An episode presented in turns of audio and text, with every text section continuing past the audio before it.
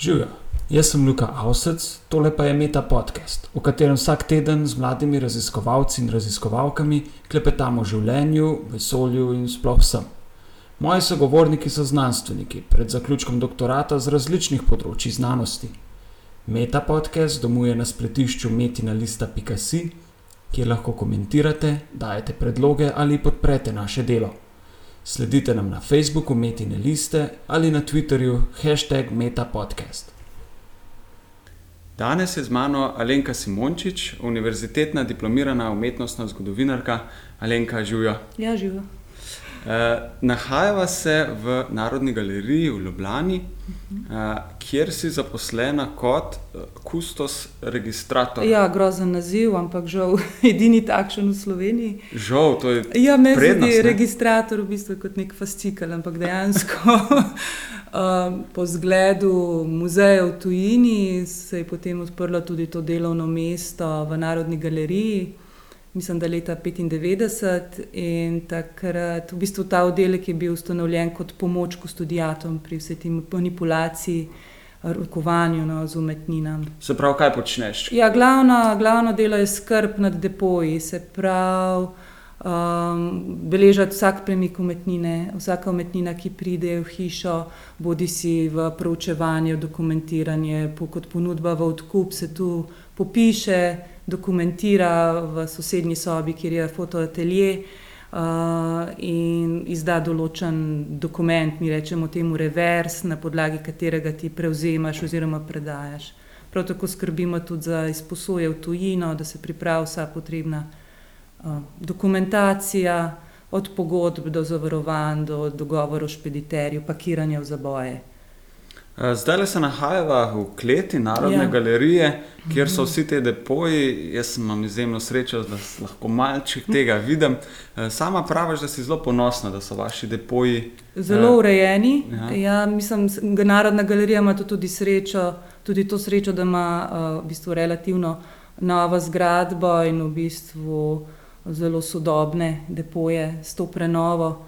Uh, Po svoje, pa to, po svoje pa je to škoda, ne praviš? Ja, jaz pravim, meni je najlepše dobiti neurejen depo. Se pravi, sobo, polno umetnin in počasi potem odkrivaš, vsako si ogledaš. Mislim, urejen depo pomeni, da je vse na svojem mestu, vse zapisano, zavedeno, kje je. In Premerjeno, dokumentirano, ni več skrivnosti, samo vsaj za mene ne. No. Tema, s katero se pa ti ukvarjaš v bistvu v svojem doktorskem delu, pa je ravno ena taka skrivnost ne, iz, Ja. ja. iz kleti Narodne Ja, v galerije. bistvu iz depoja. Sploh nismo vedeli točno, jaz osebno nisem vedela točno, kaj je to, dokler nisem pokazala to svoji profesorici, doktorici Nataši Golob, ki je v galeriji delala eno razstavo in mi je potem predlagala to, to temo za uh, doktorsko dizertacijo. In sicer to gre za dve take mali škatlici, v kateri je polno takih majhnih, uh, kot na prvi pogled, enih krokcev, ovalov in v vsakem je, so različni prizori. Ne? In na koncu, uh, seveda, sem to sprejela, to njeno ponudbo in se je izkazalo, da gre to za mavčne odlitke. Gem, geme so pa v kamen obrušene podobe. Te dve škatle sta to zelo na hitro, super. No, to sta uvod. slakve, škatli, to sta majhni škatli, rečemo 20 cm x 30 in v enih je teh eh, odlitkov vem, 117, v drugi pa 100. Ne. Se pravi, govoriva o 217 mavčnih odlitkov. Jaz imam odlitkih, ja. eh, priložnost imeti zdaj te odlitke tle pred sabo, jih opazujem in občudujem. Vidim, da so, eh, da so te geme majhne, ne, ovalne, centimetrskih velikosti. Večinoma jih ne prekaša enega kvadratnega centimetra. Ja. To se pravi, gre za zelo majhne zadeve. Mm Mhm. -hmm. So pa dveh vrst. Ne. Vidim, da nekje so podobe urezane Ja. v motiv, nekje pa gre za visok relief. Tako, gema je v kamen ubrušena podoba, v dragocen kamen ubrušena podoba. Prvotni namen gem je bilo pečatenje in seveda najlažje si pečatil, in pa seveda, da tega pečatnika nisi izgubil, je, da so bile vdelane v prstan. In seveda za pečatenje je mogla biti podoba ubrušena notri v kamen, v negativ, zaradi tega, ko si ti z njim pritisnil, bodi si v pečatni vosek, bodi si v glino, se je ta podoba potem odtisnila ven. In tudi te kamni, ki so služili kot pečatniki, so bili uh, bolj, bolj lisasti. Ne? Zaradi tega, da na prvi pogled, če si ti to nosil na prstu, ni bil motiv prepoznaven. Ker to se izhaja, ne bi pečatniki izhajali iz Mezopotamije, že iz 4. tisočletja pred našim štetjem, seveda mezopotamska oblika pečatnika je valjasta, Ta kamen je bil zdolben po dolžini, tako da si ga lahko nosil na vrvici, bodi si okoli zapestja, okoli vrtu, in si potem s tem kamen povaljal v glino, in se ti je lep prizor izrisal, naprimer kralja med dvema uspenjaječima uh, levoma, naprimer, ali pa drugima dvema pošastma. Eh, na ta način motiv res ni bil, ja, eh, posebno učiten. No, pri teh drugih, eh, ki, ki imajo dvignen relief, ne, ti so bile pa več manj narejene iz večplastnega kamna. Ja, to so pa, se pravi, te, ki so učiten. urezane, s tem rečemo intalijo. Te, ki imajo relief v pozitivnem, pa rečemo kameja. Kameje ponavadi najbolj poznamo kot te broške, ki jih nosijo ženske, ne prim, ali pa jih še danes prodajajo. Eh, po, na morju, naprimer v filigranu ali pa tudi po zlatarnah, v glavnem so narejene te današnje iškolke, kjer je v zadnji tako svetlo rjavo v zadnji, potem pa ven izstopa, rečemo, kakšna ženska, ponovadi so kakšne ženske uh, figure, uh, profili, uh, ki so pa bele. Ne. Se pravi, kameja je pa, ja, se pa pojavi v času Aleksandra Makedonskega. Ne. Se pravi, Grki ne poznajo kamej. Uh, in sicer, ko Aleksandr Makedonski potuje na teh svojih osvajalnih pohodih, rečemo, nekako do Indije, v bistvu odpre tudi številne trgovske poti in tudi prinese neko novo, nova znanja obdelave kamnin. In za kameje, seveda, so pa najbolj primerni uh, barvno večplastni kamni. Te kamni, seveda, niso barve v kamnu, niso enakomerno razporejene, ampak se prelivajo.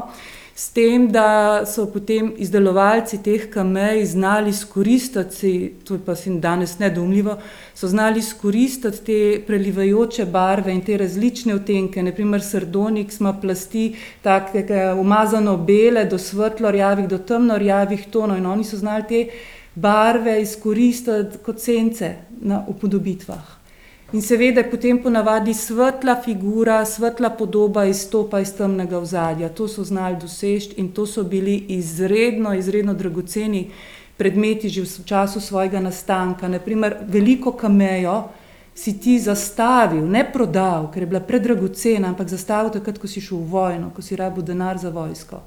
Tudi naprimer, v času rimskega cesarstva je letna plača legionarja bila 225 denarjev, medtem ko je kameja lahko dosegala tudi 10 tisoč. V času antike ne, imamo enega od teh velikih vrh, vrhuncev kamej, tako ja. v Grčiji kot v Rimu. Ja, kar mi tukaj poznamo, seveda ne bi pa vse nekako, kar je nam neznano, izhajalo iz Indije, ne, se pravi, urezovanje kamne poznajo povsod po svetu, ne, ampak zdaj konkretno bi si želela enkrat raziskati tudi to. Ja. Zdaj, konkretno Nasled... govoriva samo o teh grških tako, in rimskih. Ja. No, ampak naslednji vrhunski, ki si mi ga pa omenila, je bila pa renesansa. Ja, Praviš, da so tam mojstri bili tako izurjeni, da praktično teh. Eh, Tehnološko tako izurjeni kot v antiki, da praktično, kot pravijo, to je največja mora za umetnostnega zgodovinarja, ker mi premikamo letnico, smo sposobni premikati letnico tudi za tri leta. Je umetnina nastala 1500, leta 1503, pri gemah se pa lahko zmotiš za 15 let in to je pa prava nočna mora, ker so tehnološko tako izpopolnjene in stvar je v tem tudi, da kamen se ne obrab tudi podoba ostaja ravno tako ostra, jasna in čista. Po tisočletjih in seveda načini zlorabe, ne, oziroma izdelovanja ponaredkov, to pa uh, tukaj smo pa ljudje sploh uh, zelo iznajdljivi. Naprimer, ena izmed takih zelo uspešnih načinov umetnega staranja gem je bilo, da so z njimi pitali purane ker so se potem te geme v želočku s tistimi preostalimi kamenčki lepo popraskale, zelo naravno. In v bistvu to je bil en izmed takih načinov, kako so potem tudi goljofali, da so ti lahko prodajali po zgrško. Poznaš ti mogoče danes eh, koga na svetu, ki ima mojstrstvo izdelovanja teh centimetrskih gem v takih podrobnostih, kot se jih to izdelovalo v Grčiji? Na svetu to je mal prehuda, verjetno, ki obstajajo ljudje, ki se prav s tem ukvarjajo. Ampak, kot se pogovarjam pri nas, naprimer z gospodom Krištofom Štajdlom Porento iz Latarne Zlato Runo, pravi, da je nedoumljivo, ker gre le za kamne, velike en centimeter in da si zmožen ti noter ubrusiti v ta kamen, rečemo prizor, kaj zvem, kako, kako Hefajst kuje orožje za hila. Ravno zaradi tega navdušujejo že tisočletja geme, zaradi natančnosti v izdelavi in zaradi svoje lepotne, enostavno te, te navdušijo. No? Torej, omenila sva, da so imele velik pomen v zasebnem življenju, ja. tudi kot amuleti. Tudi, seveda, vse čas od obstoja človeštva, vse čas, seveda, kot kamen, ki ga nosiš za srečo s seboj. Seveda, od začetka so te, uh, te podobe zelo preproste, gre zgolj za stopala. Ogromno, naprimer, je uh, priprošnje zoper uh, pika kač. Na teh kamejah, ki pa so v uh, Narodni galeriji, pa so v glavnem. Uh, figure, ne, portreti. Ja, uh, seveda, po tem 18. stoletju, ko po originalnih gemah, se pravi po teh kamnih, delajo odlitke v Mavcu, ker to je bistveno cenejše. Jih potem, to so jih kar kupiči, kupiči in jih obstaja jih na tisoče. Ne. Obstajajo zbirke, ki vsebujejo po 15 tisoč takih mavčnih odlitkov, mi jih imamo zgolj 217. V eni škatli so združene uh, geme s prizori iz antične mitologije in pa iz teh antičnih epov, kot sta naprimer Iliada, imamo prizor naprimer Odiseja, privezanega na Jamboru. In to je tako detaljno, to je gemica, visoka 2 cm, ampak noter detaljno vidiš o, njega na Jambor, privezanega vrvi, nad njim detaljno izdelano jadro in še nad jadri dve sireni. In vidiš, da je ena igra dvojno piščal, druga pa na liro. Ne? Pa še oblekci ima ta, krilci o, izdolbeni. Ne? Medtem ko v drugem volumnu so pa v glavnem portreti tako resničnih oseb, kot tudi mitskih. Res pa je, da, v, da so v portretih Herkula doskrat ujeti resnični portreti.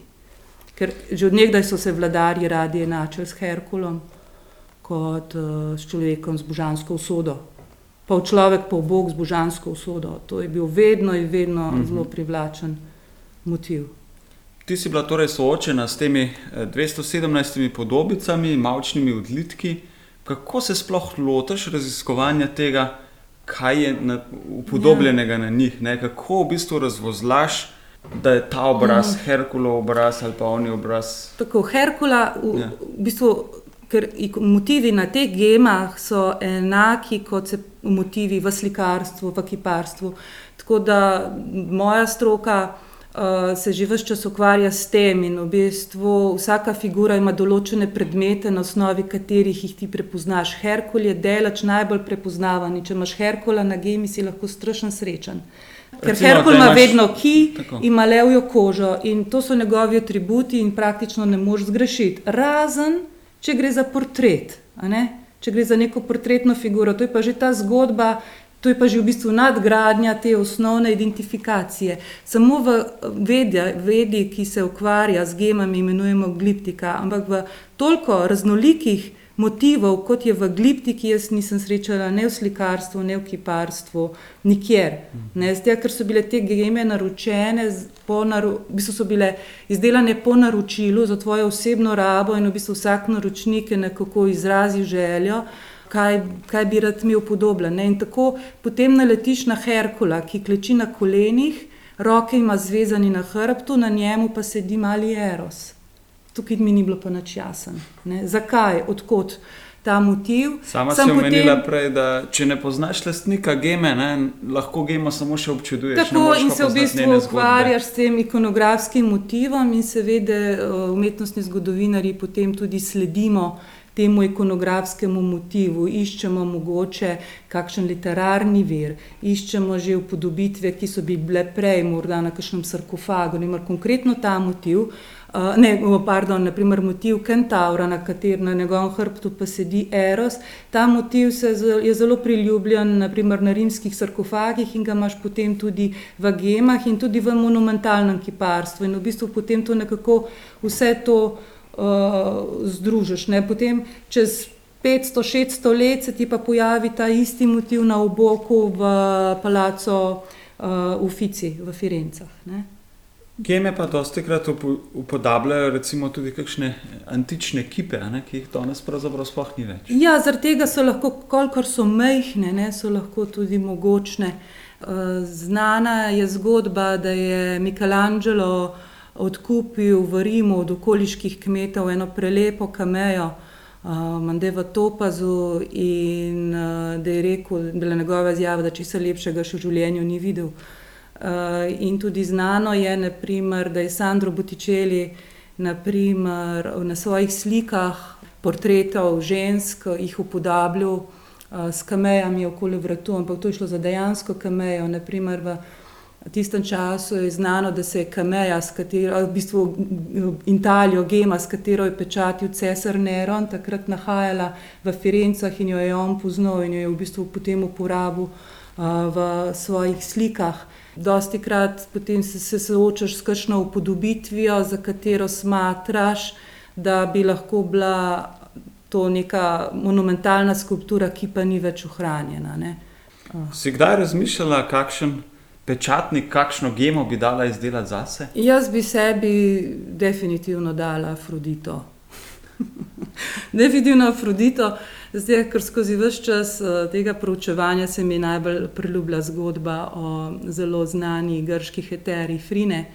Frine je bila je sprva prodajala kapre, um, potem je pa, ker je bila strašno lepa, jo je opazil, uh, ko se je dvigala ven iz morja in si utresala lase. Izlaz vodo jo je opazil, slikar apel in ustvaril njeno podobo, potem pa kasneje pa še kipar Praxitel, ki je ustvaril vrsto podob in to so vse frine.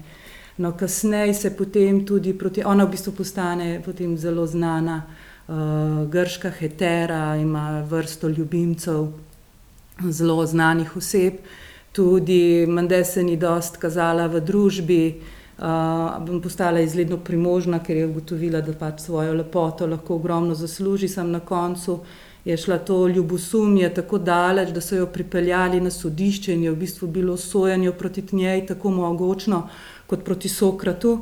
Samo na koncu, ko je šlo njej in zagovorniku že zelo slabo, je on iz nje strgal obleko in je rekel: Pa kako lahko taka lepota, kot jo imate pred seboj, ne, a je potem sploh lahko sploh možna kakršna koli sodba zoper nje, in potem so jo oprostili. In pa to ravno ta motiv, ko on strga obleko z nje, si ona zakrije z roko, eno roko prsi, z drugo pač uh, tukaj čez genitalije, med nožje. In v bistvu to je ta Venera, ki jo mi poznamo pri Bitočelju. Venera kot taka, v bistvu mi te mite zelo posplošujemo. Ne? Ampak Venera je v bistvu rojena iz neznosne bolečine, in zaradi tega tudi povzroča toliko bolečine. In v bistvu ima tudi ta njena brezskrbnost, je v bistvu zgolj hrbtna stran, njena hrbtna stran, medtem ko njen pravi obraz je bolj podoben tej bolečini. Tako kot Eros, v bistvu ni njen otrok, Eros je eden najstarejših bogov, ne? že ob delitvi, ob nastanku sveta, ko se loči ta noč in dan, se rodi iz noči. Ne? Zato govorim to, ker od tega, zato sedi Eros na hrbtu od Herkula, celo Herkula, najmogočnejšega bojevnika, je spravil na kolena in mu zvezal roke in že sapfo mu pravi, zopet me pretresa Eros, ki mi mehča ude, ta sladko britka zverne. In to je v bistvu ta aspekt, z katerega potem umetnostni zgodovinari zelo radi, ko ne poznamo lastnika. In ko ne vemo, čemu je nastala, se potem navdušujemo nad to ikonografijo, ki ima lahko neko že zgodovinsko, za osnovo neko zgodovinsko dejstvo, nek literarni vir in potem seveda uh, v njegovo to vekovečanje v umetnosti. Ne. Kaj je lepšega, če te potičeli nariše Definitivno Venero, ja. Venero ali rojstvo ali pa prikopeli. Zdaj so nas navdušile te geme. Kje se jih da videti? Se jih da v Ljubljani, kje videti? Na občasnih razstavah, leta nazaj, morda je kdo videl razstavo v Narodnem muzeju, kjer so bile razstavljene rimske geme, se pravi iz tega rimskega obdobja. Sicer pa so geme vključene v stalne zbirke po evropskih muzejih. Eden morda nam najbližjih je na Dunaju, Kunsthistorisches muzej kjer ima tudi eh, razstavljene te res ogromne kameje. Ne? Ker te kameje so bile v bistvu, niso bile narejene za razkazovanje, ampak so bile v bistvu zelo taki intimni predmeti. In potem tudi, ko bereš, ne, eh, da naprimer te zbiralci so bili v glavnem moški, ni nujno tudi izjemoma ženske, tudi izdelovalke so bile ženske, ampak glavno moški in zmande zelo skrivajo te geme pred svojimi ženami, da jih ne bi razpršile in raztrosle in porazgubile. Ker to so bile obstajale posebne umarice, kjer si imel ti geme spravljene. Ne? In potem si jih občasno, so prišli prijatelji in si jih pokazal, si z njimi razkazoval, in ob njih je potekala debata, in tako je to izgledalo. 18. stoletju. Nič, nič drugače pa tudi v času rimskega imperija. Naprimer, Julij Cezar je imel krasno svojo zbirko gem in jih potem tudi razstavi ne, in da na ogled javnosti. Medtem ko Pompej proda zbirko gem, ki jo je dobil od ponskega kralja, ker gre v vojno in rabi denar. Pripravljaš pa tudi lastno razstavo. Ja. Kako, kako napreduje to? Nikakor še, mislim, napreduje v toliko, da sem dobila soglasje zasebnega lastnika, ki bo dal na razpolago prelepe, sicer steklene geme. Nam na ogled, so, te so malce večje, ker so bile narejene v 18. stoletju in so bile narejene izključno za občudovanje. Pripravljate pa tudi uh, dokumentarec uh, o, o gemah.